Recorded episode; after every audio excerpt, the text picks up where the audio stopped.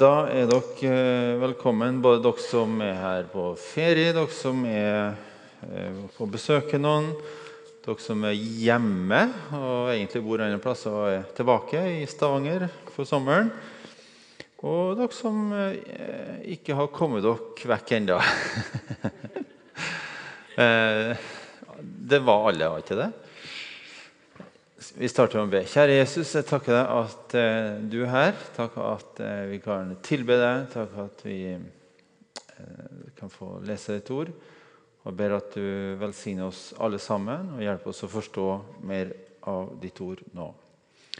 Amen. I dag skal det handle om det å være en disippel eller etterfølger av Jesus. Jeg skal lese en tekst fra eh, Skal vi Lukas, ja. Lukas 9. Eh, og Der står det sånn å følge Jesus, vers 23. Så sa han til alle, om noen vil følge meg, må han fornekte seg selv og hver dag ta sitt kors opp og følge meg. For den som vil berge sitt liv, skal miste det, men den som mister sitt liv for min skyld, skal berge det. Hva gagner det et menneske om det vinner hele verden, men mister seg selv og går til grunne. For den som skammer seg over meg og mine ord, ham skal også menneskesønnen skamme seg over når han kommer i sin og sin fars og de hellige englers herlighet. Sannelig, jeg sier dere, noen av dem som står her, skal ikke smake døden før de ser Guds rike. Eh, følge Jesus et enten-eller, kan vi si. Fordelen med å tale sjelden, og det, det gjør jeg egentlig eh, her på IMI Jobber til daglig på IMI-instituttet og føler jeg underviser hele tida. Men eh, i denne forsamlingen så er det, det er litt sjelden. Men fordelen da, er at jeg har tida til å legge merke til en del ting eh, mellom hver gang. Derfor har jeg mye på hjertet. ja. og eh, nå så fant jeg ut at jeg skulle også få velge tema sjøl. Eh, og da blir det jo enda verre. Eh, I utgangspunktet så er ingen rammer det er verre enn strenge rammer. For hvor i all verden starter vi? Eh, og da, da, tenkte jeg hva er det viktigste vi gjør her? Jo, det er å gjøre disipler. Eh, for det står det i misjonsbefalingen at vi skal gå ut i hele verden og gjøre disipler idet vi døper dem til Faderens, Sønnens og Den hellige ånds navn og lærer dem å holde alt det som Jesus har befalt oss å gjøre. Så Det er det som står igjen når alt annet forsvinner. Og det er den overordnede hensikten, det som alt det som måles opp imot. Gjør vi disipler, eller gjør vi ikke disipler? Sånn?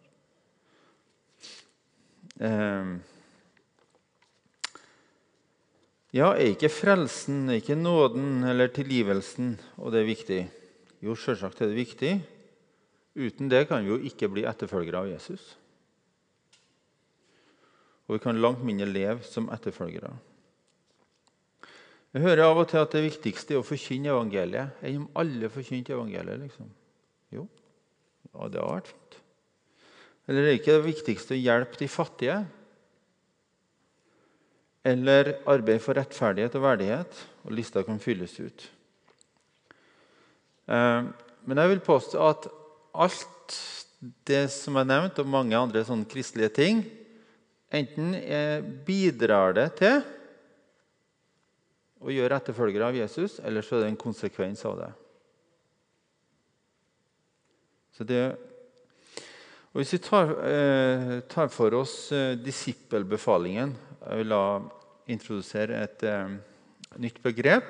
Ikke misjonsbefalingen, ikke dåpsbefalingen, men disippelbefalingen. I Matteus 28 kan jo lese det på ordentlig, og ikke bare resitere. Eh, I Matteus 28, 18, da trådte Jesus fram og talte til dem. Jeg har fått all makt i himmelen og på jorden. Gå derfor og gjør alle folkeslag til disipler. Døp dem til Faderens og Sønnens og Den hellige ånds navn, og lær dem å holde alt det jeg har befalt dere. Og se, jeg er med dere alle dager inntil verdens ende. Egentlig eh, så er det litt vanskelig å oversette eh, til, til norsk, men det er i utgangspunktet bare én sånn imperativ, som vi ser, én sånn bydeform. Det er en, bare én ting her som 'gjør dette', og det er 'gjør disipler'. Lag disipler, skap disipler. Eh, det andre med å gå, og det med å døpe og det med å lære å holde, det er da en eller ikke en konsekvens, det er en måte vi skal gjøre det på. Idet du går ut, gjør disipler. Og måten du gjør det på, det er, jo, de skal bli døpt, og så skal de få opplæring. Eh, men det å gjøre disipler som er liksom imperativ, det skal du gjøre. Og Det var jo på en måte Jesus' siste ønske. egentlig. Eh, det siste han sier, Matteus, det er å gjøre disipler. Eh, en som heter Dallas Willard han har laga sin egen oversettelse. Han har sagt Gå derfor til hver etnisk gruppe og hjelp dem til å bli mine studenter. Alle folk. Um, og En av grunnene til at jeg er med i IMI, det er at dette ligger helt oppe i visjonen til Timekirka. Det er å gjøre verdifulle mennesker til bevisste etterfølgere av Jesus Kristus. Eh, verdifulle, det er vi jo alle.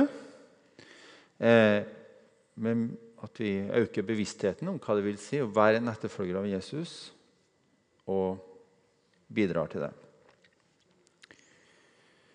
Eh, Selve ordet 'disippel' er et ord vi har importert fra utlandet. Eh, på norsk er det kanskje bedre å si 'etterfølger'. Eh, kanskje. Altså, Meningen er ikke å være en sånn distansert tilhengerskare. Eh, altså, meningen er ikke å være på tribunen som heiagjeng, eller å være å like. Altså, poenget er å gå tett med og bli trena av. Eh, gå sammen med. Eh, det kan oversettes som elev eller student. Eller kanskje enda, enda bedre altså lærling.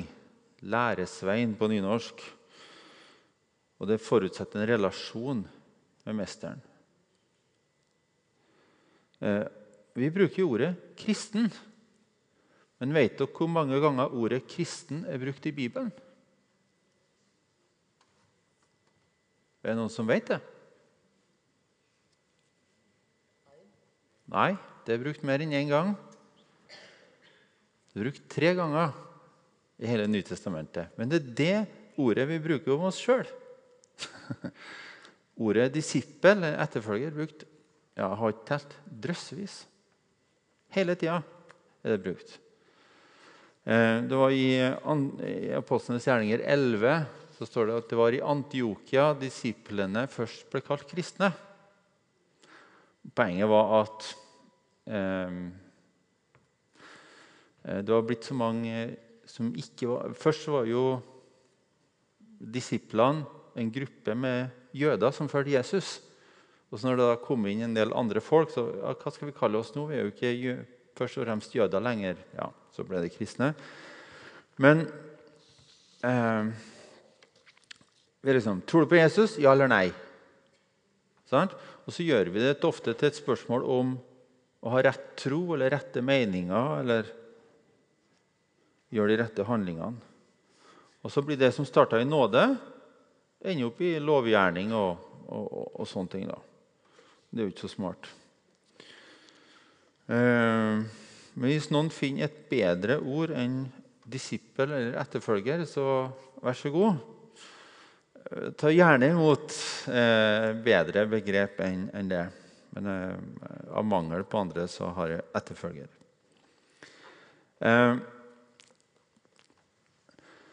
for noen år siden så var det en, en reklame altså i USA. da, Alt, alt kommer fra USA. Det var en reklame om et sånt eh, rehabiliteringsprogram for rusavhengige. Og Det var da en filmsnutt. Det var en elefant som gikk rundt i huset og skubba til alt og alle, og ting datt ned og knuste. det var noe som tok mye plass, men ingen snakka om at det var en elefant i rommet. Eh, ja. Eh, og man, altså ikke-disippelskap eh, det blir ofte kalt for 'elefanten i kirka'. Eh, altså det, er er akseptert, et akseptert problem. Det er folk som eh, enten hører på eller eh, er innom et møte, men de vil ikke stå i en disippelgjørende relasjon. Eh, og jeg skal, jeg skal se litt om hvorfor det er et problem. Um,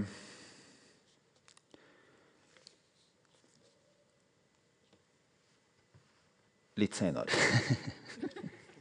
litt senere skal jeg si om det. Um, for, for, det er jo et spørsmål Er det ikke bedre å satse på store møtekampanjer på Internett, broadcasting, TV, radio osv., så sånn at folk kan bli kristne? Eh, og Mitt svar på det er at der kirka virkelig har vokst, så har den ikke hatt eh, verken ytringsfrihet eller forsamlingsfrihet. Altså, Den første kristne kirka var en undergrunnskirke de 300 første årene. Og da boom! Eksponentiell. Og også i Kina, etter kulturrevolusjonen og fram til Kina ble åpna, hadde det skjedd en eksponentiell vekst av, av kristne. De kunne ikke være offentlige med det. Eh, det, det, var munn-til-munn-metoden. Eh, små fellesskap som samles hjemme, én til én osv disipler som gjorde disipler som gjorde disipler. Eh, not, eh, for, for, et par år siden så var det en misjonskonferanse her på IMI. et og et halvt år siden, tror jeg, Så traff jeg en sånn, litt sånn anonym fyr. Han satt ute i torget her. Litt sånn eh, Hører med i den grå eminense, som vi kaller det. Litt sånn eh, du ikke la merke til. Eh, og så ja, Terje vi, vi setter oss ned og prater med ham, og så viste det seg at fyren gjennom en 20-30 år, en norsk mann, hadde leda omtrent eh, gjennom sitt arbeid 6000 stykker til tro på Jesus i Sentral-Asia. Ja vel?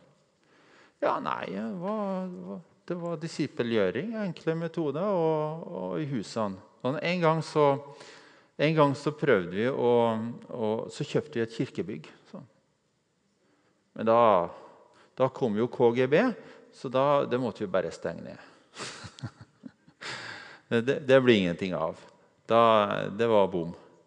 Men, eh, men eh, eh, de, så, så, da solgte vi det, og så, fortsatte veksten.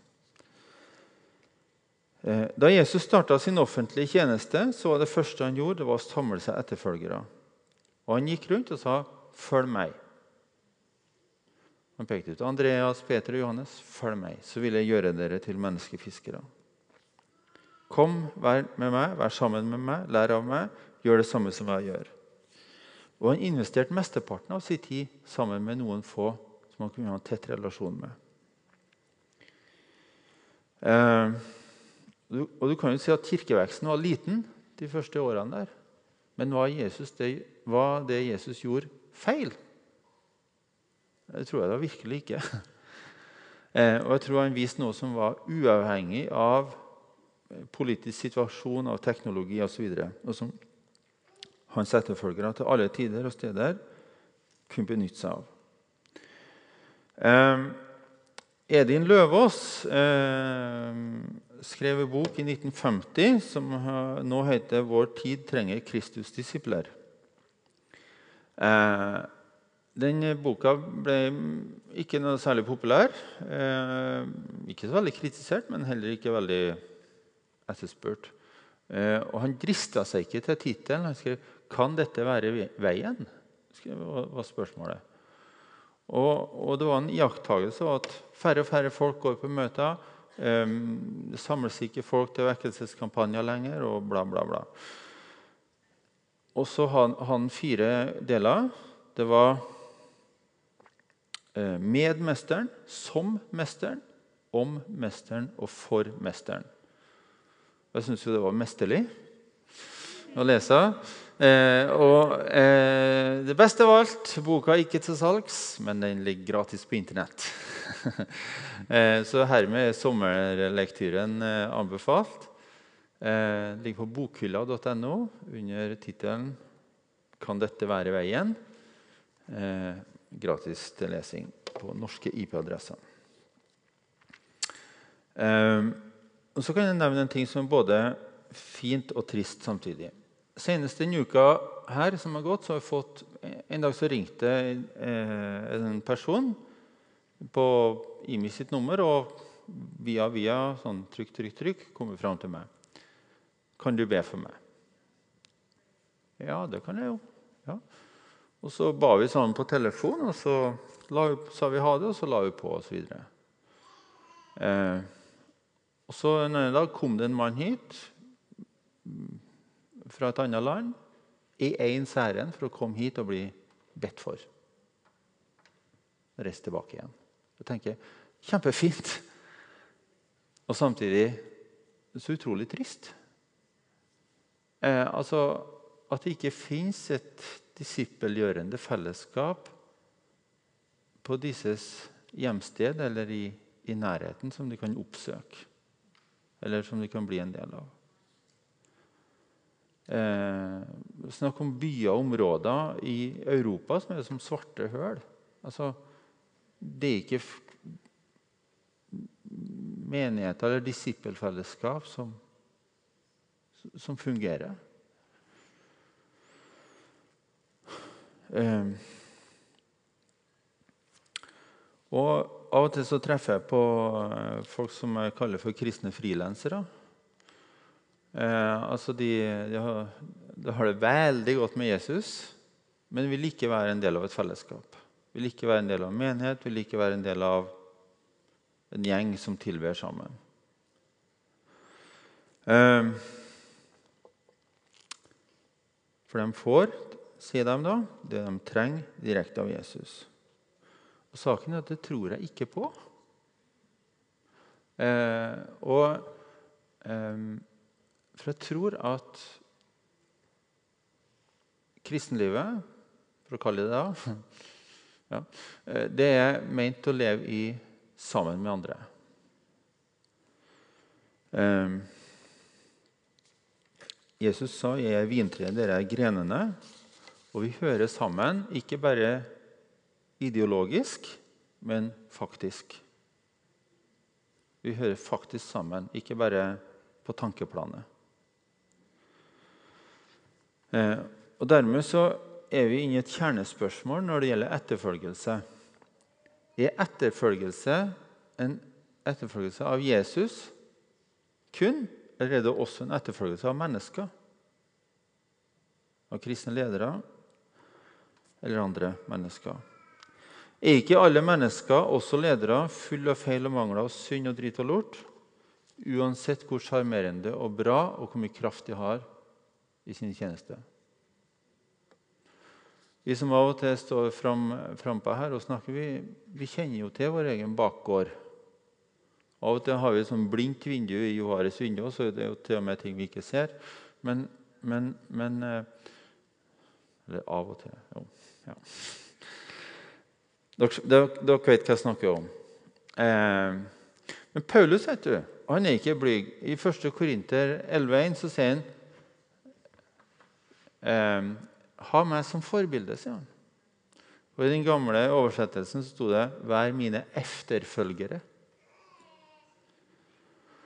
Eh, og det, ja, Er det ikke sånn at, at, at vi skal følge mennesker? Eh, og Samtidig så sier Paulus, som du skal lese i 1. Korinterbrev 1, så sier han at for noen, eh, for noen av Kloes folk har fortalt meg søsken at det er stridigheter blant dere. Jeg sikter til dette at noen av dere sier 'jeg holder meg til Paulus', men andre sier til Apollos eller Kefas eller Kristus. Er da Kristus blitt delt, var det kanskje Paulus som ble korsfestet for dere? Eller blir dere døpt til Paulus' navn? Spørsmålstegn.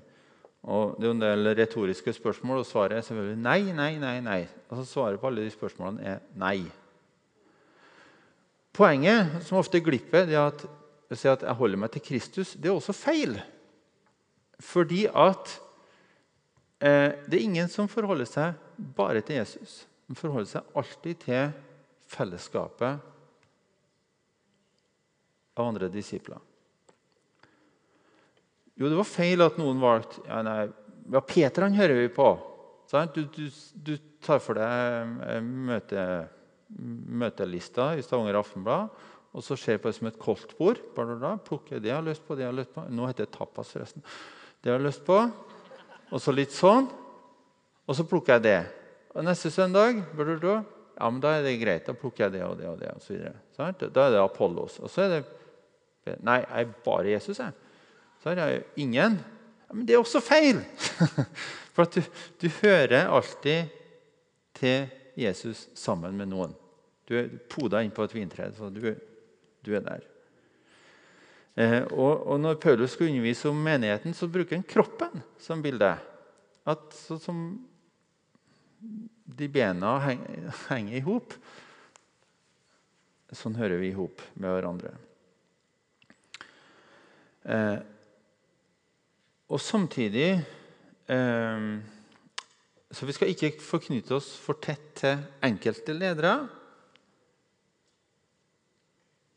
Men vi er ikke privatpraktiserende kristne. Vi vandrer sammen på samme vei.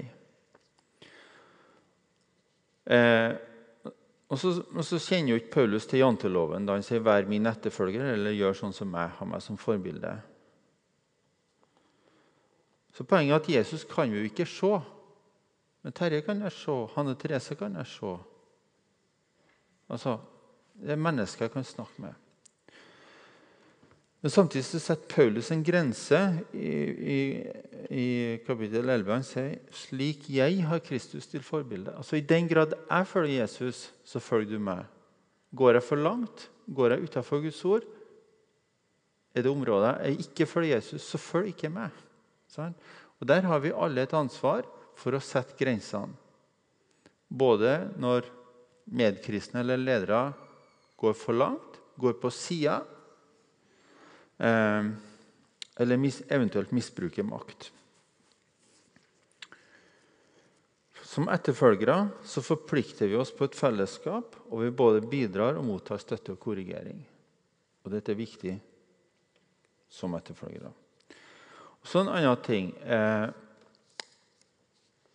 dere har kanskje lagt merke til på VGTV og debatter både i Vårt Land, Dagen osv en del folk som har tatt oppgjør med en fortid i et radikalt kristent miljø. Eh, er kjent? Nikk hvis dere har sett eller hørt om det. Jeg har ikke sett alt dette, men jeg har lest litt om det. Eh, og har tenkt hvordan, hvordan ble det sånn? Selvsagt har ikke jeg svaret på alt det. Eh, og vi kan diskutere både innhold i form i kritikken osv. Men, men, men se det, lær av det. Eh, det tenker jeg er viktig. Eh, men jeg lurte på hva, hvorfor blir det sånn? For sier ikke Jesus 'gå bort og selg alt du eier, og gi til de fattige', da skal du få en skatt i himmelen. Kom så, følg meg kaller ikke Jesus til radikal etterfølgelse. Vet dere hva ordet 'radikal' betyr?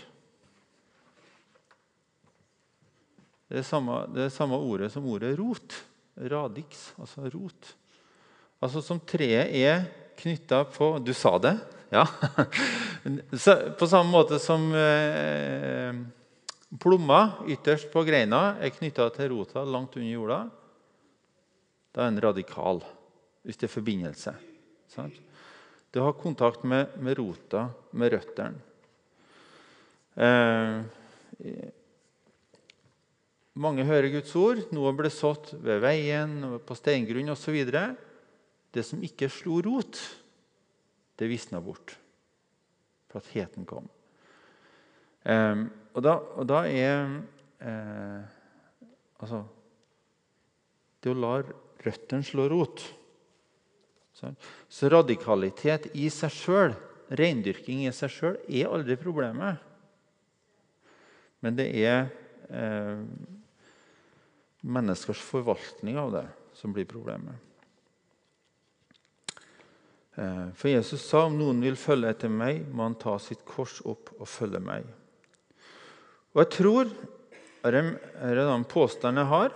Eh, du kan få lov til å være enig og uenig, men min påstand er det at mange går seg vill og klarer ikke å skille mellom kallet til etterfølgelse og kallet til tjeneste. For det er ikke det samme.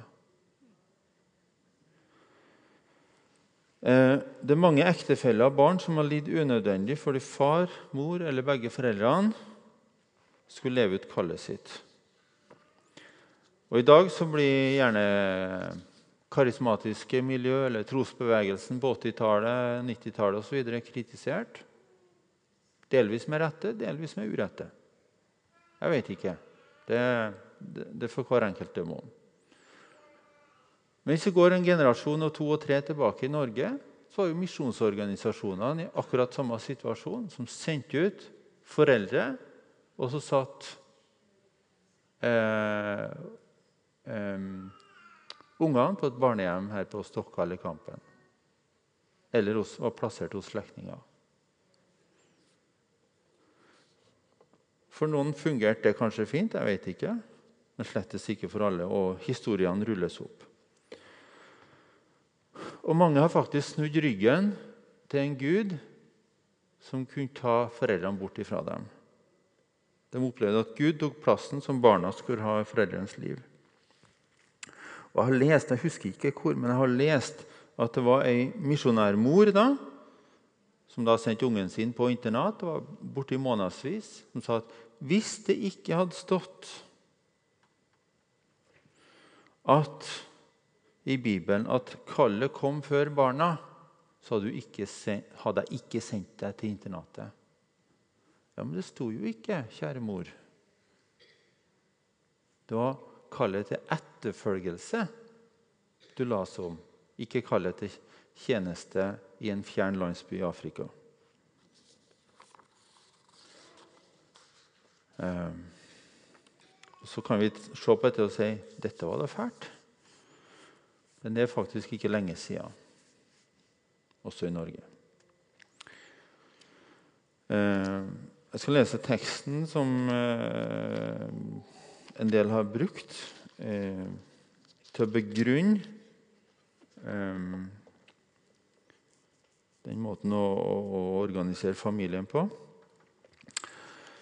I Lukas 14, 26, det står det eh,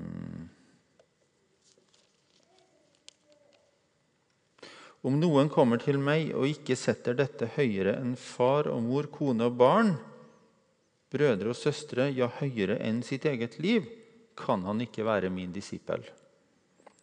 Den som ikke bærer sitt kors og følger etter meg, kan ikke være min disippel. Dette er jo da kallet til å være etterfølger. Det er ikke kallet til tjeneste. Men ved å blande det sammen så har det blitt så feil for så mange. Eh, og jeg tror svaret på nøtta finnes i Johannes 5, 19, for det står det om Jesus at han gjør bare det han ser far gjør. Og Det ønsker jeg å fokusere på.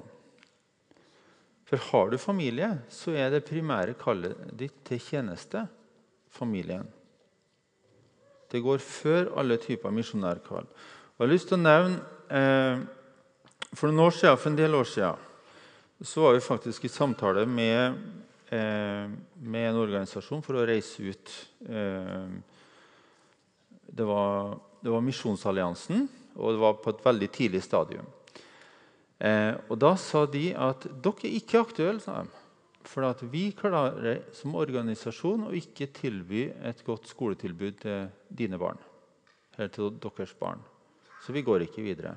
For vi har, sånn, vi har som prinsipp at hvis en familie reiser ut som misjonær, så skal samtlige i familien komme bedre ut av det å reise ut enn de ville gjort ved å ikke gjøre det. Da tenkte jeg, ja, sånne kan en jo jobbe for. det hørtes jo, hørtes jo bra ut. Eh, for de ville være i forkant og tenke hva er neste misjonærbarn-debatt?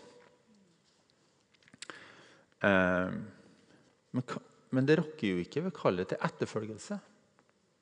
Etterfølgelse er jo ikke jobben din.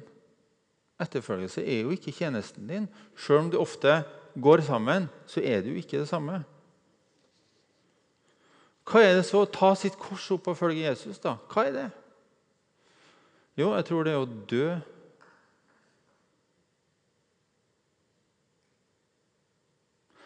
Å ta sitt kors opp det var det Jesus gjorde. Den tverrbjelken som han bar opp til Golgata. Da tok han sitt kors opp, og så gikk han, og så, og så ble han hengt opp. Sannheten er den at når vi sa ja til Jesus i livet vårt, så, sa, så døde vi. Vi døde bort fra oss sjøl. Det er det som kalles omvendelse. Og det å ta sitt kors opp hver dag og følge Jesus, det er å hver dag dø litt bort fra seg sjøl. Vi kaller det for den daglige omvendelse. Eh, så det er eh, eh, det som er saken her.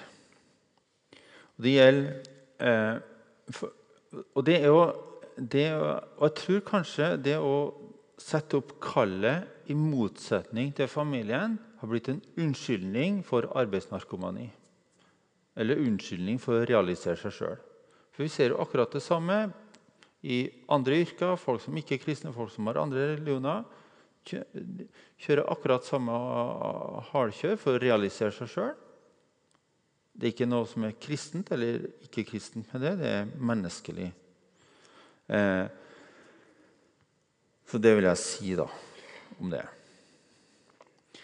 Eh, og så har jeg lyst til å si noe om et ord til dere som er på min alder, pluss-minus en 15 år ca.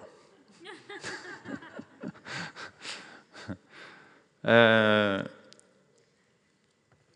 når du står i en disippelgjørende relasjon til, en, eh, til andre Det kan være leder i gruppa di, leder i huskirka, leder i cellegruppa, leder i menigheten. Eh, ja, på forskjellige nivåer forskjellig plan. Ehm, det er godt mulig at den som skal disippelgjøre deg, er yngre enn deg og mer umoden på enkelte områder. Da vil jeg si vær moden nok til å takle det. Eh, på en fin måte. Eh, for, for, for at du trenger det, og eh, den som skal lede deg, trenger det tar sjansen.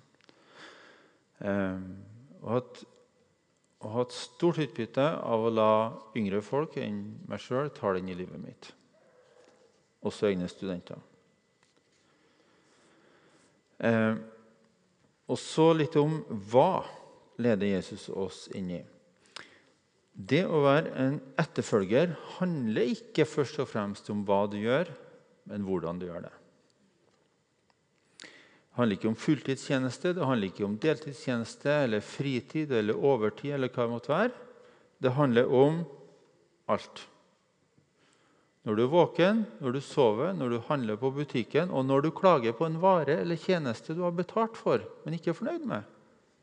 Da er du også en disippel. Eh, alt gjør det for Guds skyld, sa broder Lawrence. Og jeg tenkte at å, å avrunde dette med å være en etterfølger av Jesus Kristus eh, og la, la, det bare bli et spørsmål. Eh, hvem har du latt ha innflytelse i livet ditt? Eh, er du happy med den innflytelsen du har tillatt andre å ha i livet ditt? Eller er du ikke det? Eh, og kanskje, ja, det, det, er kanskje noen vinduer jeg skal stenge, kanskje noen dører jeg skal stenge, kanskje noen kanaler jeg skal stenge. For det er ikke med å lede meg til å være en etterfølger av Jesus. Eller er det noen jeg skal åpne opp? Er det noen jeg har holdt på en avstand, men jeg har ikke har ikke villet valgt verken Paulus, Apollos eller Kephas. Kefas. holdt bare Kristus. Nei, er det noen jeg skal åpne opp? Jeg tror ikke det bare når vi er i en forsamling eller menighet. Jeg tror ikke at det bare er én eller ei som skal disippelgjøre oss. Jeg tror det er, det er flere. Eh, vi har flere relasjoner, og til sammen så blir det disippelgjørende. Eh, hvem skal få større plass, og hvem skal få mindre plass? Eh, og når vi, når vi som etterfølgere av Jesus Hvem skal vi gå til? Hvem er vi sendt til, og hvem er vi sendt sammen med? Så Jeg sier ikke at kallet til tjeneste ikke er et kall, at det ikke er reelt, men jeg sier at det er alltid sekundært i forholdet til kallet til etterfølgelse. For, kallet, for en etterfølger av Jesus kan en være om en ja, eh, om jeg er lam fra halsen opp, skulle jeg si. Eller fra halsen, altså, om jeg er helt, helt Om jeg er kjempebegrensa og egentlig ikke kan utføre noen ting, så, jeg, så, kan jeg likevel være en etterfølger av Jesus. Og det er det som er nåde. Eh, og, og, det er det som gir frihet i det. Eh, da har jeg lyst til å avslutte med å be. og Kan ikke vi bare reise oss opp? Eh, og så har jeg lyst til å lede dere i bønn. Eh, og så eh, eh, Ja, be med meg. Kjære Jesus, jeg takker deg at du først og fremst kaller oss inn til en relasjon med deg. Du kaller oss inn til et liv i etterfølgelse, eh, tro og tjeneste. Eh, og så ber jeg deg at du hjelper oss å tenke rett og tenke sunt og tenke godt om hvilke stemmer, eh, hvilke røster vi, vi, lar lyde inn i vårt liv, og hvilke vi, vi stenger ut. Eh, Herre Jesus, må du eh, Jeg ber for de her som ikke opplever at de er i en disippelgjørende relasjon, og som enten bevisst eller ubevisst eller tilfeldig eh, har havna der at de, de trenger noen å, å gå eh, disippellivet sammen med. Jeg har lyst til å be at eh, eh du gir den enkelte mot til å både ta kontakt, eh, men også si ja hvis en, hvis en blir kontakta. Både de som er eh, her, men som, som er i, måte, i, i det store fellesskapet vårt her. Eh, og så ber jeg for eh, alle de her som bekjenner ditt navn, og som sier de, ja, jeg vil være en etterfølger av deg, Jesus. Eh, at du gir deg også mot og tro på seg sjøl til at jo, jeg kan bidra. Jeg kan bidra inn i fellesskapet. Jeg kan eh, lære noen å be. Jeg kan eh, dele hva du har gjort i livet eh, mitt. og jeg ber at vi skal bli kjent for det, at eh, visjonen vår ikke bare er noe som vi har eh, høyt oppi eh, dokumentene våre, men at vi har det i hjertet og har det i livet. At vi vil gjøre verdifulle mennesker til bevisste etterfølgere av deg, Jesus. Jeg ber at du øker vår egen bevissthet om det. Eh, og så ja, at vi har det med oss.